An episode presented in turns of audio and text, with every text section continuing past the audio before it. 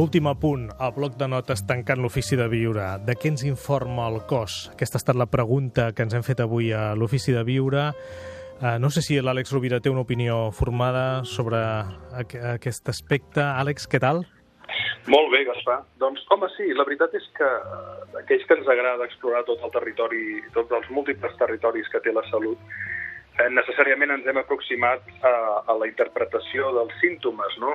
Des d'un punt de vista psicoanalític, el símptoma no deixa de ser el crit que fa el cos quan és incapaç d'anomenar, de posar en paraules allò que, que genera la malaltia. Per tant, en aquest sentit, doncs, moltes vegades allò que fem d'anar tapant el símptoma és generar un desplaçament perquè al final el cos necessita posar i expressar allò que de vegades no som capaços de verbalitzar.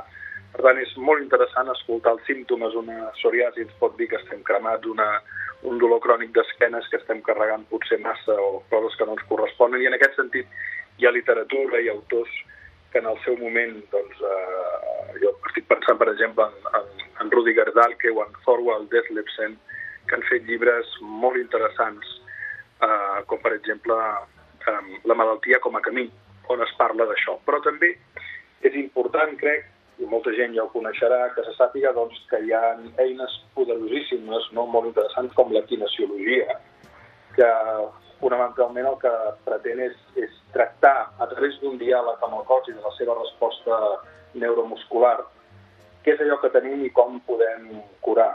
D'alguna manera, el, el kinesiòleg el que fa és millorar la capacitat fisiològica de la persona i prevenir alteracions a partir d'un diàleg que té amb el cos i de la seva resposta quins són els elements que debiliten tot l'organisme o que el reforcen. En aquest sentit, convidaria a les persones de ments inquietes que explorin, per exemple, què és la kinesiologia, que es pot escriure tant en K com en Q, i que si tenen l'oportunitat de visitar un bon kinesiòleg o una bona kinesiòloga ho facin perquè és una. Àlex, moltíssimes gràcies per aquest punt final. Que tinguis molt bona setmana. Fins diumenge. Una abraçada. Una abraçada. I als oients també, moltes gràcies. Una forta abraçada.